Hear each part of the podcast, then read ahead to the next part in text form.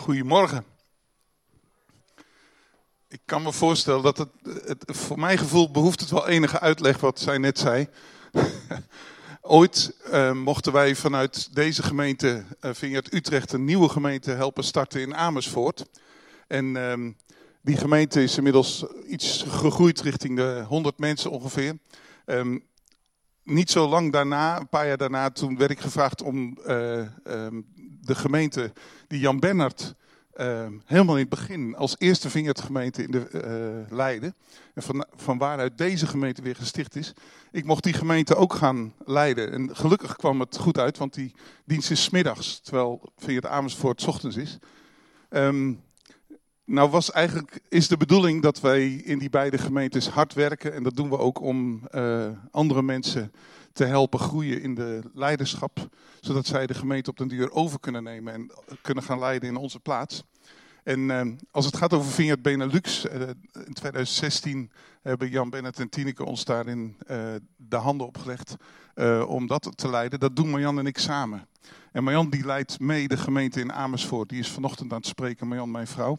En Marjan is de moeder van Anna. Die kennen jullie wel, denk ik. En uh, ook uh, van Julia en Dirk-Jan. Dirk-Jan is dan de schoonzoon. Dus, uh, die de vader en moeder zijn van onze enige kleinzoon nog, Lucas. Um, jullie kennen Julia, denk ik. En Dirk-Jan, ja. Die is een poosje geleden verhuisd naar Amersfoort. Um, klein beetje familieberichten vind ik altijd leuk om te delen. Ik weet niet of jullie weten, de Vineyard Benelux familie, waar jullie als gemeente ook onderdeel van uitmaken, uh, hoe ver die zich uitstrekt. Het is uh, het hele gebied van de Benelux en de meest noordelijke gemeente, dat is die in Groningen. En de meest zuidelijke gemeente, dat wil zeggen, die is bezig om een Vineyard te worden, die zit in Woesten. Hebben jullie enig idee waar dat ligt? Iemand wel eens van gehoord? Ook niet waarschijnlijk. Het, het, is ook een hele bijzondere naam, vind ik altijd. Ik heb geen idee hoe ze eraan komen, maar het ligt helemaal tegen de, in Zuidwest-Vlaanderen tegen de Franse grens aan. Dus het is zo'n beetje drieënhalf uh, uh, uur rijden vanaf uh, Wageningen, waar ik woon. En um, het is een gemeente, is vrij, wel heel bijzonder. Die, in België heb je niet heel veel grote kerken, zeker niet van onze signatuur. Maar daar zit een gemeente in een gehucht. Dat zijn twee straten die elkaar kruisen met een kerk. Een oude katholieke kerk. Het ligt vlak tegen de, de rivier de IJzer aan. Misschien kennen jullie die wel. De, als je een beetje de geschiedenis induikt, dan je hebt in de, die gruwelen van de Eerste Wereldoorlog, die enorme frontlinie, die liep eigenlijk ten, pal ten noorden van Woesten. Uh, en die eindigde zo'n beetje aan het einde van uh, de of vlak in een kronkel van de IJzer bij het stadje Veurne. En um, uh, als je dan naar Woesten toe rijdt, dan rij je eigenlijk door glooiende weilanden met overal van die begraafplaatsen uit, uh, met slachtoffers, soldaten van de Eerste Wereldoorlog. Dus het is, het is bloedgrond daar. Maar dan zie je daar ineens in dat mini-stadje een gemeente van um, zo'n beetje 100 mensen. Uh, dat, dat is ja, in mijn beleving wel echt een wonder. Uh, en die zoeken een familie. Dus nou, vandaar dat we bezig zijn met hen in gesprek uh, uh, te zijn. Ik ga er regelmatig naartoe, minstens elke twee maanden. En dan denken we erover na, wat is dat om deel te zijn van een familie? En wie zijn jullie en wie zijn wij? Dus nou, bij deze de groeten uit Woesten. Um, ik wil vanochtend met jullie kijken naar een stukje uit Psalm 100. En ik heb eigenlijk expres geen PowerPoint meegenomen, want ik dacht... Um, ik heb niet zoveel indrukwekkende plaatjes erbij. Maar het is ook mooi als je zo'n appje hebt of nog een echte papieren Bijbel. Lees dan mee. Dan activeert het je ook mooi. Psalm 100, vers 4 en 5.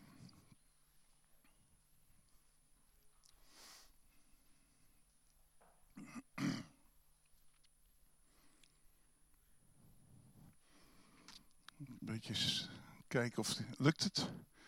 Kun je hem vinden?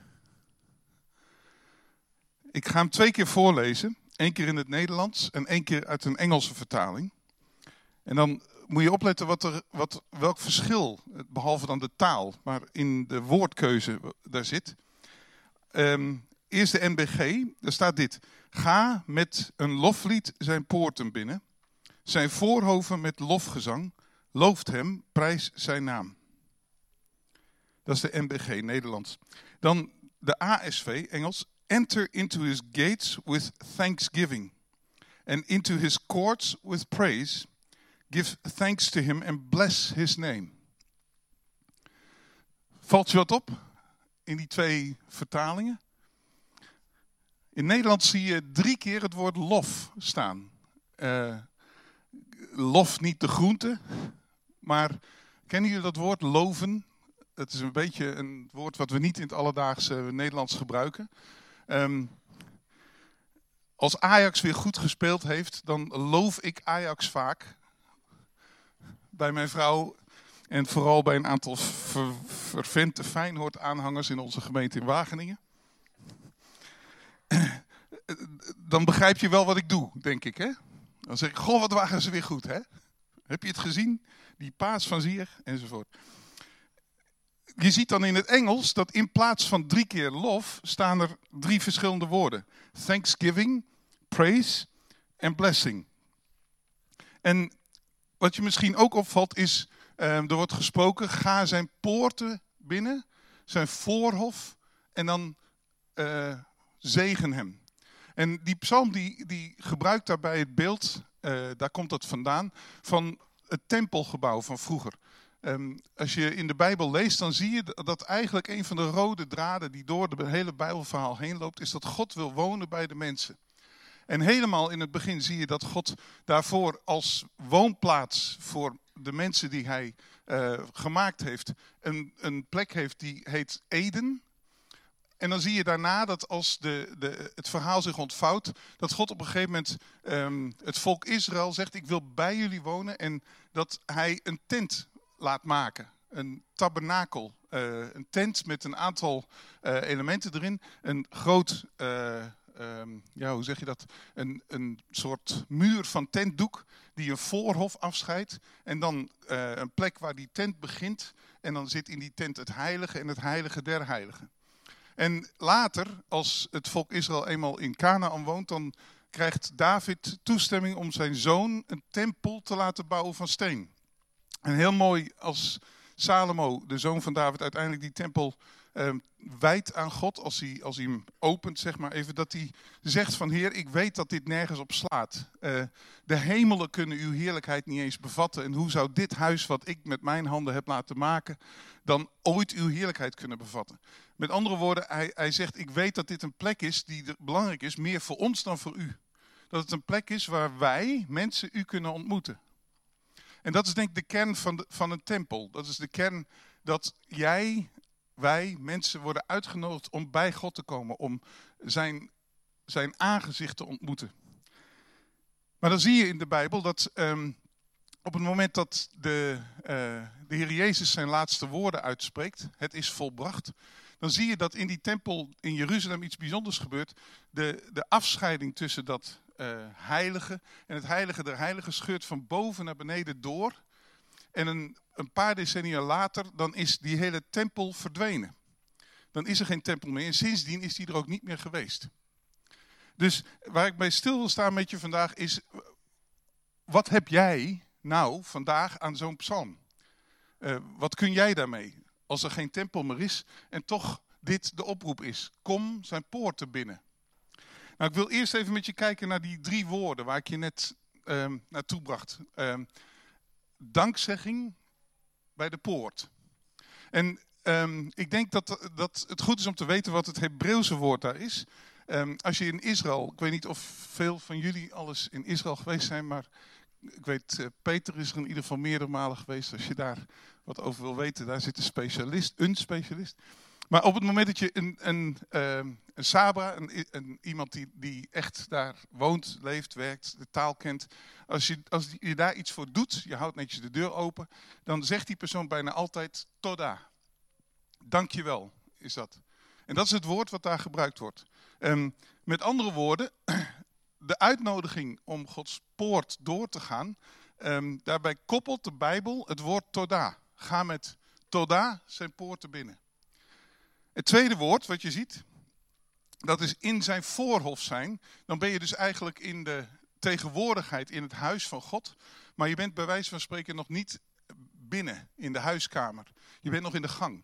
En dan staat daar het woord tehila. Tila. En dat woord dat ehm, eh, staat voor lofzingen. Dat is ook niet een woord wat wij elke dag gebruiken, maar ik weet nog dat ik als kind een keer met mijn ouders naar de kaasmarkt in Alkmaar meegenomen ben. En daar heb ik dat voor het eerst gezien. En je ziet het soms ook als je naar oude veemarkten, of oude, naar veemarkten toe gaat, waar dat nog echt gedaan wordt. Wat ik op die kaasmarkt zag, was dat um, de kaaskoopman en de kaasfabrikant, of de, de, degene die de kaas had gemaakt en de kaas ging verkopen, die waren aan het loven en aan het bieden. En dat was dan zo handjeklap doen.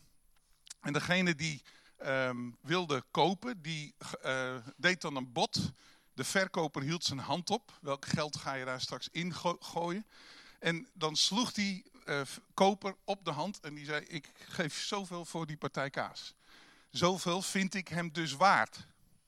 En dan draaide het om, dan hield de koper zijn hand op en dan deed de verkoper een tegenbod. Je zou kunnen zeggen, de, de koper die bood en de verkoper die loofde. Loven en bieden.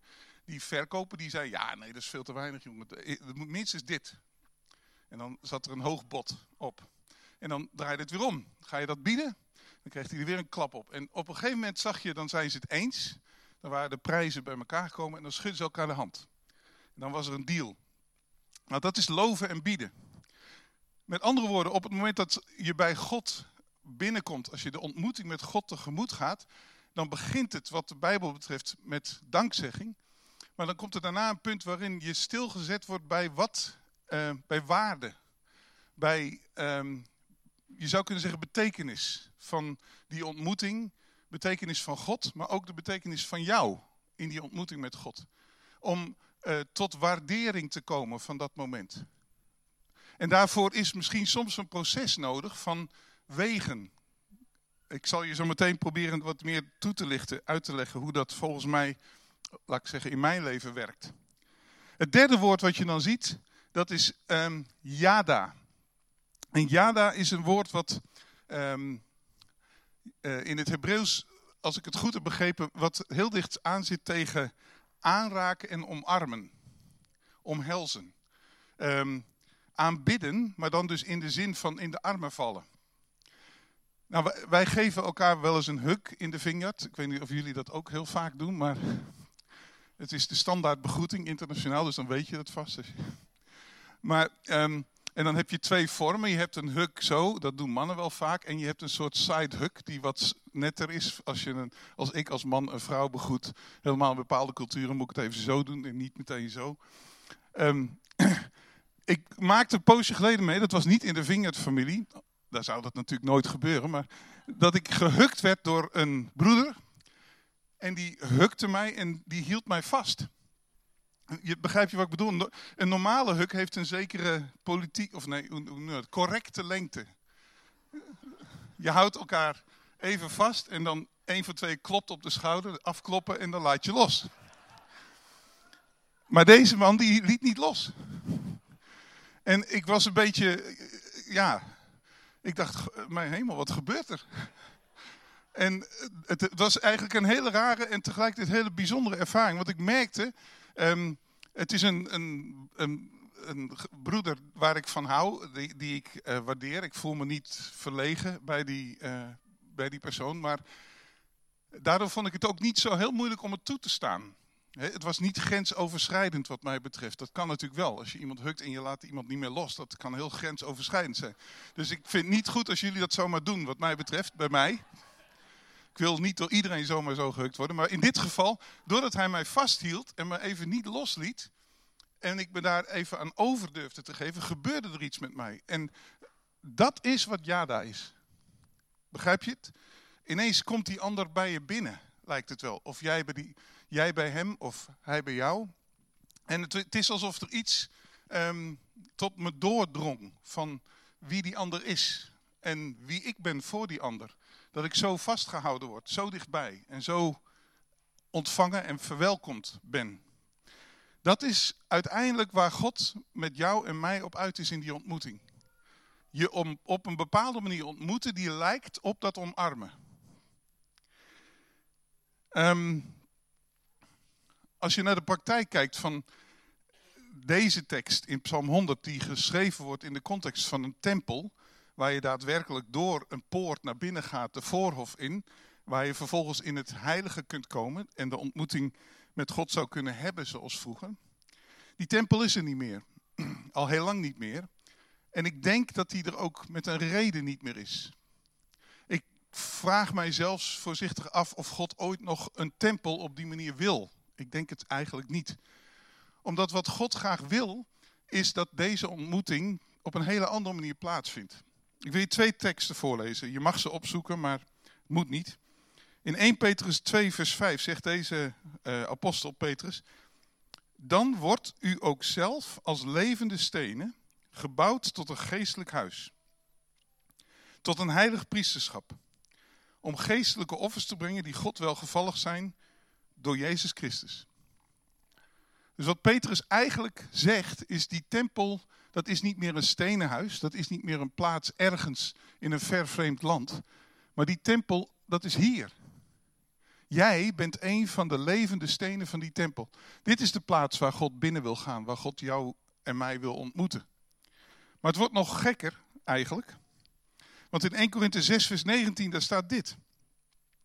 Weet je niet dat je lichaam een tempel is van de Heilige Geest, die in je woont, die je van God ontvangen hebt. En dat je niet van jezelf bent.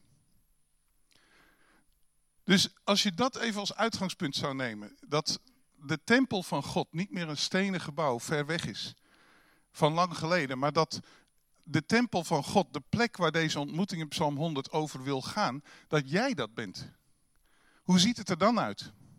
Ik wil je klein beetje proberen om je, om, om je mee te nemen en uit te leggen wat je er dan mee kunt met zo'n psalm. Voor mij begint het bij dat uh, ga zijn poorten met dankzegging binnen. Toda. Als ik denk aan, mijn, uh, aan deze psalm, dan moet ik vaak denken aan een kruis. Een verticale en een horizontale uh, uh, arm, zou je kunnen zeggen, balk. Als, als ik naar mezelf kijk, dan zou je eh, kunnen zeggen: Oké, zoals ik er nu uitzie, uh, dan lijk ik een beetje op die verticale balk van het kruis. Als ik mijn armen uitstrek, dan zie je ook een horizontale balk van het kruis. Zo is dat kruis ook bedacht. Dan kon je op die manier mensen eraan spijkeren, zoals onze Heer eraan gehangen heeft. Maar neem het even als een beeld van jouw leven, als het beeld van het zijn in deze wereld. Um, op het moment dat ik tot daar doe, heb ik altijd het gevoel, dan betrek ik God in de modder van mijn leven. Waar, waar ik met mijn schoenen in sta.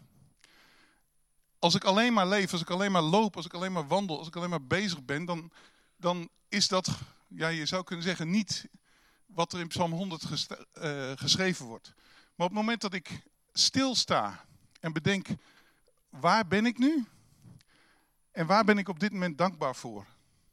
Dan verbind ik ineens datgene wat alledaags is en wat standaard is of wat maar gewoon is. Dat begint zich te verbinden met de, in de relatie met mijn God. Begrijp je wat ik bedoel? Je kunt ochtends als je wakker wordt uit je bed rollen, naar de koffiemachine rollen, uh, je ontbijtje maken en voor je het weet zit je achter je bureau op weet ik veel waar, je werk, uh, je school, in de banken, uh, wat je ook doet. Maar het wordt anders op een of andere manier als je je ogen open doet en even stilstaat en je realiseert, ik leef. Dank u wel dat ik weer wakker geworden ben. En dat je nog even zo voelt die warmte van de veiligheid van je, van je bed. En dat je zegt, dank u wel dat ik een plek heb waar ik veilig kan slapen. Dank u wel voor de voorziening die ik hierin heb. En ineens wordt dat um, dat alledaagse, dat hele gewone van jouw leven, wordt, dat gaat als het ware door de poort naar de hemel toe. Naar die relatie met God toe. Ineens raakt het verbonden met God. En dat is het begin van aanbidding. Dus dat gaat niet primair over wat jij hier nu vanochtend hebt gezongen. Maar het gaat er veel meer, of misschien net zoveel over, dat jij in je alledaagse leven die verbinding telkens opnieuw maakt. En daarmee door de poort gaat en zijn voorhof binnentreedt. Je leeft daardoor als het ware in de voorhof van Gods heiligdom. Je wordt de voorhof van dat heiligdom. Begrijp je dat? Maar dan stopt het niet, dan gaat het nog een stapje verder. Dan gaat het over Tehillim. En um, denk even nog aan dat beeld van dat kruis. Oké, het begon bij mijn voeten en nu naar mijn hoofd. De bovenkant van dat kruis. Ik merk dat, ehm, wil ik een stapje verder komen nog dan alleen maar die poort doorgaan, dan heb ik nodig, ehm, en ik ken heel wat mensen die denk ik dat ook nodig hebben, dat ik um, lofzangen, niet letterlijk zingen, maar het stilstaan bij wie bent u. Want op het moment dat ik verbind mijn dagelijkse dingen met God, dan leidt het mij heel makkelijk naar de volgende stap en me niet alleen realiseren wie ben ik in die dagelijkse dingen, maar wie is Hij? Hoe is Hij? Wat is Hij? Uh, wie is Jezus? Hoe is Jezus? En op het moment dat ik dat doe, dan gaat er ook in mijn hoofd iets gebeuren. Dan ga ik um, ik weet niet of jullie allemaal van destijds uh, Soul Survivor hadden van die bandjes gemaakt met WWJD. hebben jullie er wel eens gezien? Denk het wel, hè? What would Jesus do? Dat is te healen, vind ik. Dat is mij afvragen, oké, ik dank u voor deze plek waar ik ben. Ik dank u voor dit werk wat ik doen mag. Ik dank u voor uh, het leven. Ik dank u voor het dak boven mijn hoofd, eten wat ik mag genieten, vrienden om me heen. Um, maar wie bent u daarin? Um, nu ik hier toch ben, um, en nu dit, mijn lichaam, mijn leven, een tempel van de Heilige Geest is, wie wilt u zijn in deze omgeving? Daar denk ik over na op zo'n moment. En daardoor wordt het ineens een voorhof van Gods, van Gods huis. Daardoor wordt jouw leven een plek waar de hemel de aarde wil gaan ontmoeten. Waar het koninkrijk van God zichtbaar wil worden. Omdat je je die vraag begint te stellen. Maar dan gaat het nog één stap verder, want dan gaat het ook over Yada. En dat vind ik het meest uh, um, ingewikkelde, kan ik je zeggen. En ook het mooiste. Want God wil jou en mij niet alleen uitnodigen om op die manier te leven met dankzegging en lofgezang. Maar hij wil als het ware jou omarmen en van jou een omarmer maken. En ik vind het heel mooi, um, wat mij betreft hoort bij Yada hoort die horizontale balk van het kruis. En die horizontale, als je, als je zo doet met je armen, dan doe maar eens even als je wil. Gewoon zo. Allebei. Dan raak je iemand anders waarschijnlijk. Hè? Zie je? Dat is het mooie van dat beeld. En helemaal als je dan links en rechts iemand raakt, eh, je zou kunnen zeggen, de, dan gaat dat door je hart heen. Jouw hart is de ontmoetingsplaats van die verticale en die horizontale lijn. En daar gaat Jada over. Op het moment dat ik um, omarmd werd door die broeder die me iets te lang vasthield, gebeurde er iets met mijn hart. Hartverwarmend was dat. Die uitdrukking ken je denk ik wel. Um, ik werd er warm van. Ik werd er niet alleen fysiek, letterlijk, maar ook uh, innerlijk, emotioneel. Ik, ik werd uh, geraakt daardoor. En ik denk dat dat de clue is, dat op het moment dat ik mijn leven begin te verbinden met God, en ik begin mij te realiseren, wie bent u in mijn, voor ons, wie wilt u zijn door mij, dan wordt mijn hart geraakt en dat is het motief van waaruit ik wil leven en mijn, mijn omgeving wil raken. Waarom vind ik dat best een ingewikkelde? Um, een van de uh, gebeurtenissen die dit jaar behoorlijk me bijgebleven is, die veel voor me gedaan heeft, was dat een gemeentelid in Wageningen mij adviseerde: ga jij uh, ik heb uh, gehoord van een cursus hardhorend. Dat lijkt me wel wat voor jou. hart is dan met um, niet H-A-R-D, maar H-A-R-T. Dus leren luisteren naar een ander met je hart en leren luisteren naar je hart. Nou, het was, ik had me heel beledigd kunnen voelen dat die um, gemeentelid dat, dat vond, maar ik heb uh, besloten nederig te zijn. En ik heb me opgegeven voor die cursus. En dat was dan drie cursusdagen. En het was heel bijzonder. Um, kan het je aanraden, die cursus. maar de eerste dag ging over horen. De tweede dag over je innerlijke uh, gebeurtenis. Luisteren naar wat gebeurt er nou in je, in je hart. Wat, wat zijn eigenlijk alle stemmen die je van binnen hoort. En de derde dag ging over spreken. En op een van die dagen werd, werden wij uitgedaagd om een casus als voorbeeld te bedenken waarin we vonden dat, waarin ik vond dat het spreken mislukte, niet goed ging. Zodat we die konden ja, doordenken en beluisteren van wat gebeurde er dan precies. Ik had als casus een gesprek wat ik met een van onze zendelingen uit uh, Vingert Wageningen had gehad, die op verlof was. Ik vond dat dat gesprek, um, ik had het gevoel dat dat gesprek niet goed ging door zijn reactie. Want op een gegeven moment um, waren we in gesprek en hij had het moeilijk. Hij eh, zit in een moeilijke plek op de wereld waar het zwaar is om zendeling te zijn. En hij zat ook een beetje er doorheen, was wat aan het klagen. En op een gegeven moment stelde ik de vraag van, joh, waar wil jij over tien jaar zijn? En daar reageerde hij heel geprikkeld op. Uh, hij zei, ik wil niet elke keer als ik op verlof ben die vraag krijgen. En ik schrok, want ik kon me niet meer herinneren dat ik die vraag de vorige verlof ook gesteld had. En ik, ik schrok ook van wat ik in zijn ogen zag. En toen ik in de auto terugreed, dacht ik, heer, wat gebeurde er nou eigenlijk in dat gesprek? Ik was erover aan het praten. Waardoor in feite die verbinding begon te werken. En ik had de indruk dat God me een paar dingen liet zien over mezelf. Hij liet me allereerst zien van, hé joh, je hebt die jongen helemaal niet omarmd.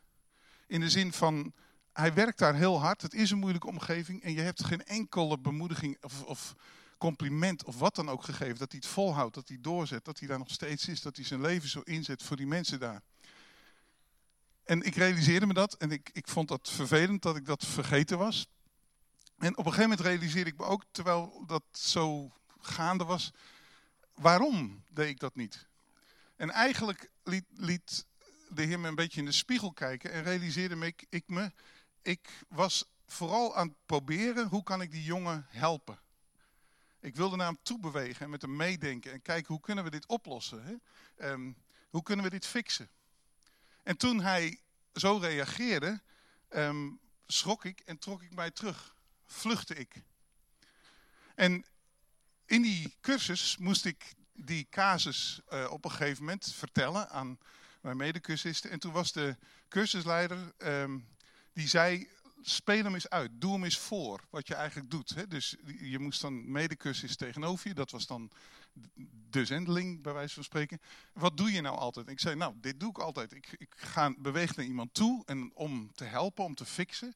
En als die persoon dat niet wil of dat lukt niet, dan trek ik me terug. Dan vlucht ik eigenlijk een beetje. Zover was ik inmiddels. En toen zei die uh, cursusleider van, Menno, blijf nou eens in het midden staan. Niet fixen, niet vluchten, maar erbij blijven. En dat deed ik. En hij keek me zo eens aan en hij zei, wat gebeurt er dan met je? En ik schrok eigenlijk heel erg, want ik merkte mijn knieën begonnen te, te bibberen. Ik, ik begon een beetje controle te verliezen. Ik kreeg een brok in mijn keel en ik snap, snapte niet waarom. Dus ik, um, ik zei eerlijk, er gebeurt veel met me, maar nou mag jij. Tegen mijn medecursist. Want ik, ik merkte, dit is iets, daar moet ik eens even over kunnen nadenken. Als ik dat nu allemaal moet analyseren, dat lukt me niet. En toen ik daarover nadacht en over bad, toen realiseerde ik me wat er gebeurt als je niet gaat fixen en niet gaat vluchten, maar erbij blijft. Dan gaat datgene wat die ander heeft je raken. En dan sta je tegelijkertijd met lege handen. Want je, je hebt gezegd, ik ga niet vluchten. Ik kan niet fixen misschien. Wat moet ik nou? Wat is dat? Um, wat moet je op die plek überhaupt doen? Anders dan meevoelen. En dat meevoelen is niet leuk. Want dan voel je de pijn. Of je voelt het verdriet. Of je voelt het gemis. Of je voelt de onmacht van de ander. En als, alsof je al niet genoeg hebt aan die van jezelf. Dus de neiging om te fixen of te vluchten, die is denk ik heel groot. Maar misschien is dat nou juist waar het evangelie over gaat. Misschien is dat wel de kern van Jada. Dat ik niet vlucht en ook niet fix, maar dat ik bij jou ben. Dat jij bij mij bent. En misschien wel dat jij me omarmt. En me even niet loslaat. Of dat ik jou omarm. Krijg je netjes een sidehuk hoor. Maar dat je even niet losgelaten wordt zonder dat jij op dat moment meteen van mij de oplossing krijgt. En dat je voelt dat ik erbij blijf, terwijl ik je niet kan, kan helpen, bij wijze van spreken. Ik kan niet meer voor je doen dan dat. En ik realiseerde me terwijl, um, terwijl ik daarover nadacht, dat is Yada. als God, en we vieren nou de eerste advent, wat doet God nou op dit moment? Hij bereidt mij voor, vier weken lang, om zichzelf als baby in mijn armen te leggen. En hoewel ik gek ben op, op mijn kleinzoon, wat kun je nou met een baby? Begrijp je? Je kunt, je kunt hem niet fixen, je kunt ook niet vluchten. Je, dat doe je niet. Je laat een baby niet aan zijn lot over. En zo legt God zichzelf in jouw armen. En daar sta je dan. Met Jezus als mini-mens in jouw armen en je kunt niks. Behalve omarmen. Dicht bij je hart. Hem vasthouden. En ik denk dat dat, dat is de tempel waar God naar op zoek is. Waarin jij je verbindt, waarin jij tot de hilim komt, je realiseert en waarin jij vervolgens ontvangt. Niet in de eerste plaats die ander, mij, maar hem. Waarin hij zichzelf als baby in jouw armen kan leggen. Omdat hij weet, jij vlucht niet en je, je, bent, je beseft, je kunt niet fixen. Je kunt alleen maar vasthouden, omarmen. En tegelijkertijd is dan het wonder dat je merkt dat waar je God op die manier uh, ontvangt, dat jij ontvangen wordt door de Vader. Dat jij thuis komt. Ik realiseerde me toen ik die uh, uh, emotionele ontmoeting zo had in die oefening en daar later over nadacht, toen realiseerde ik me ook dat, nou ik realiseerde me, het was bijna alsof God dat hardop tegen me zei. Tenzij je leert, Menno, om op die plek te blijven staan, van niet fixen en niet vluchten, kun je ook mijn Heilige Geest eigenlijk niet leren kennen. En ik ben al 40 jaar christen. Ik dacht, wat zegt u nou dat ik uw Heilige Geest nog niet ken?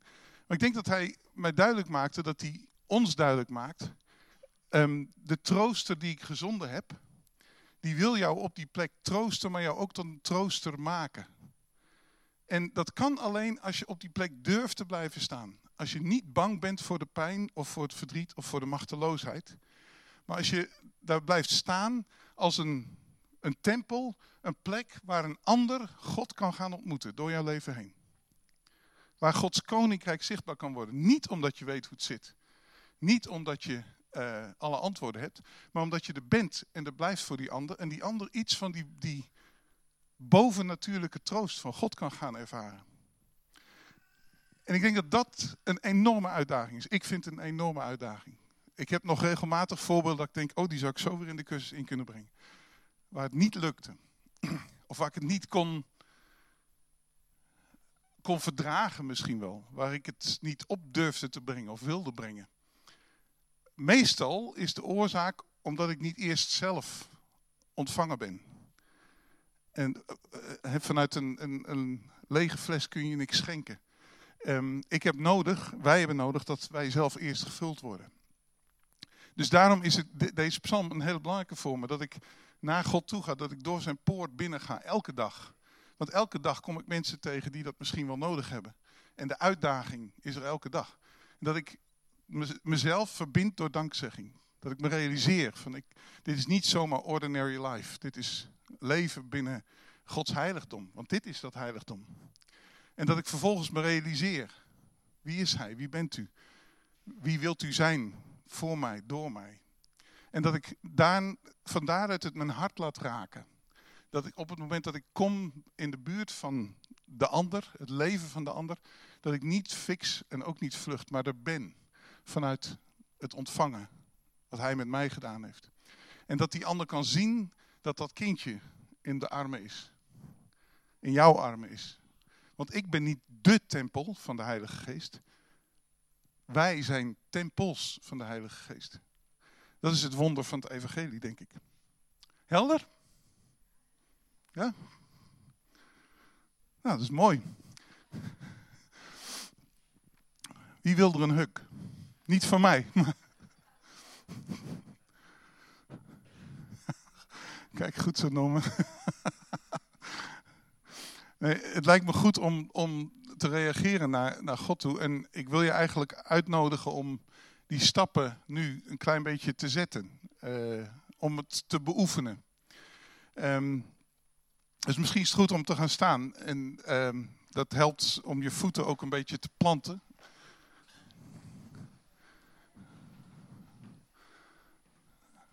En dan wil ik graag een momentje ehm, eerst nemen waarin de vraag, die mag je even in, in je hart, in, je, in stilte overwegen. Ehm, waar ben ik dankbaar voor op dit moment? En dat je die dankbaarheid dan uitspreekt naar God toe. En misschien is het niet één, maar zijn het meerdere dingen. Spreek dat dan uit naar God toe. Ga je gang. Je hoeft niet naar mij te blijven kijken. Je, je kan je ogen sluiten als je wil.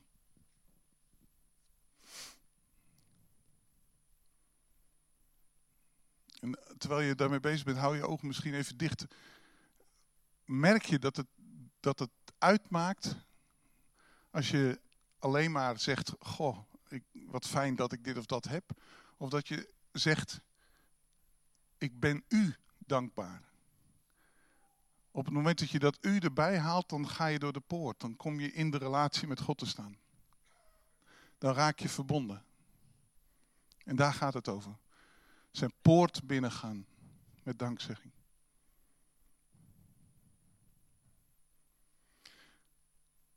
misschien terwijl je zo in, uh, met je ogen dicht daar bent, ga nu eens mee van je voeten naar je hoofd. naar boven toe. Omhoog naar, naar God zelf, in zijn voorhof zijn. Wie ontmoet ik daar? Wie bent u? Wie is hij? Wat ziet hij? Heer, wat ziet u als u naar mij kijkt en wat ziet u als ik naar u kijk? Wat zie ik als ik naar u kijk?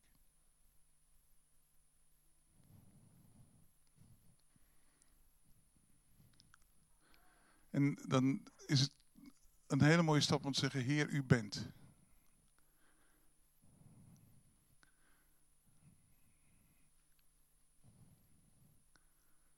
Loven. U bent geweldig. U bent zo liefdevol. U bent kostbaar. U bent mij kostbaar.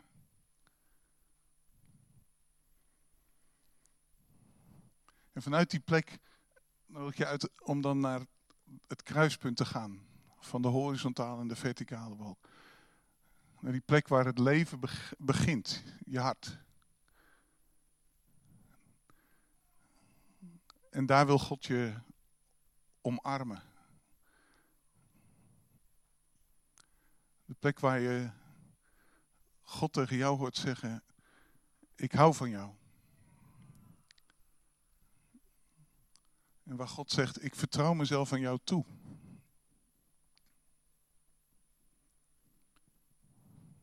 Ik wil in jou zijn en bij jou zijn en door jou heen in deze schepping wonen.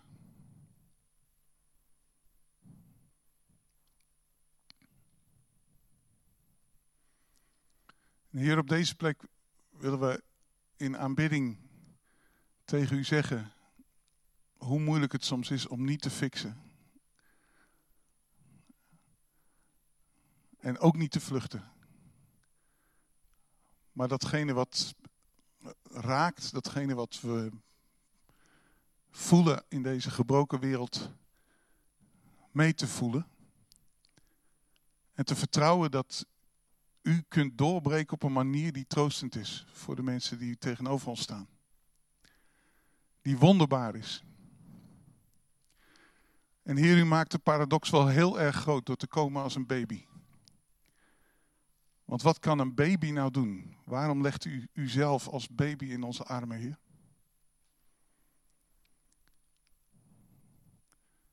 Maar we willen zeggen op deze plek dat we u vertrouwen. Zoals u zichzelf aan ons toevertrouwt, willen wij uw tempel zijn en onszelf aan u toevertrouwen. En we, willen, we weten en we beleiden dat u bij machten bent zo oneindig veel meer te doen dan wij kunnen bidden of beseffen. En dat met alles wat we zien, dat we wel die weg hebben naar uw hart toe. Om datgene wat we zien, wat we voelen, wat we herkennen en waar we in medelijden hebben, om dat bij u te brengen. en u te bidden voor onze naasten. En dan zegen ik je in in de naam van Jezus om op die manier te zijn in deze wereld. Als de plek waar hemel en aarde elkaar ontmoeten. De tempel van God. Een plek waar niet alleen wordt meegeleden, maar waar hoop doorbreekt. Omdat jij degene kent die zo oneindig veel meer kan doen dan mensen kunnen bidden of beseffen. En waar jij een voorspraak hebt bij de Vader. Waar jij als een priester naar de troon mag gaan om te bidden voor diegene die tegenover je staat. Waar je vervolgens in zijn naam die ander een hand of een huk of een iets mag geven. Wees gezegend erin in Jezus' naam. God vertrouwt je. Jij kunt het. Jij bent zijn gezondene. Om Jezus wil. Amen.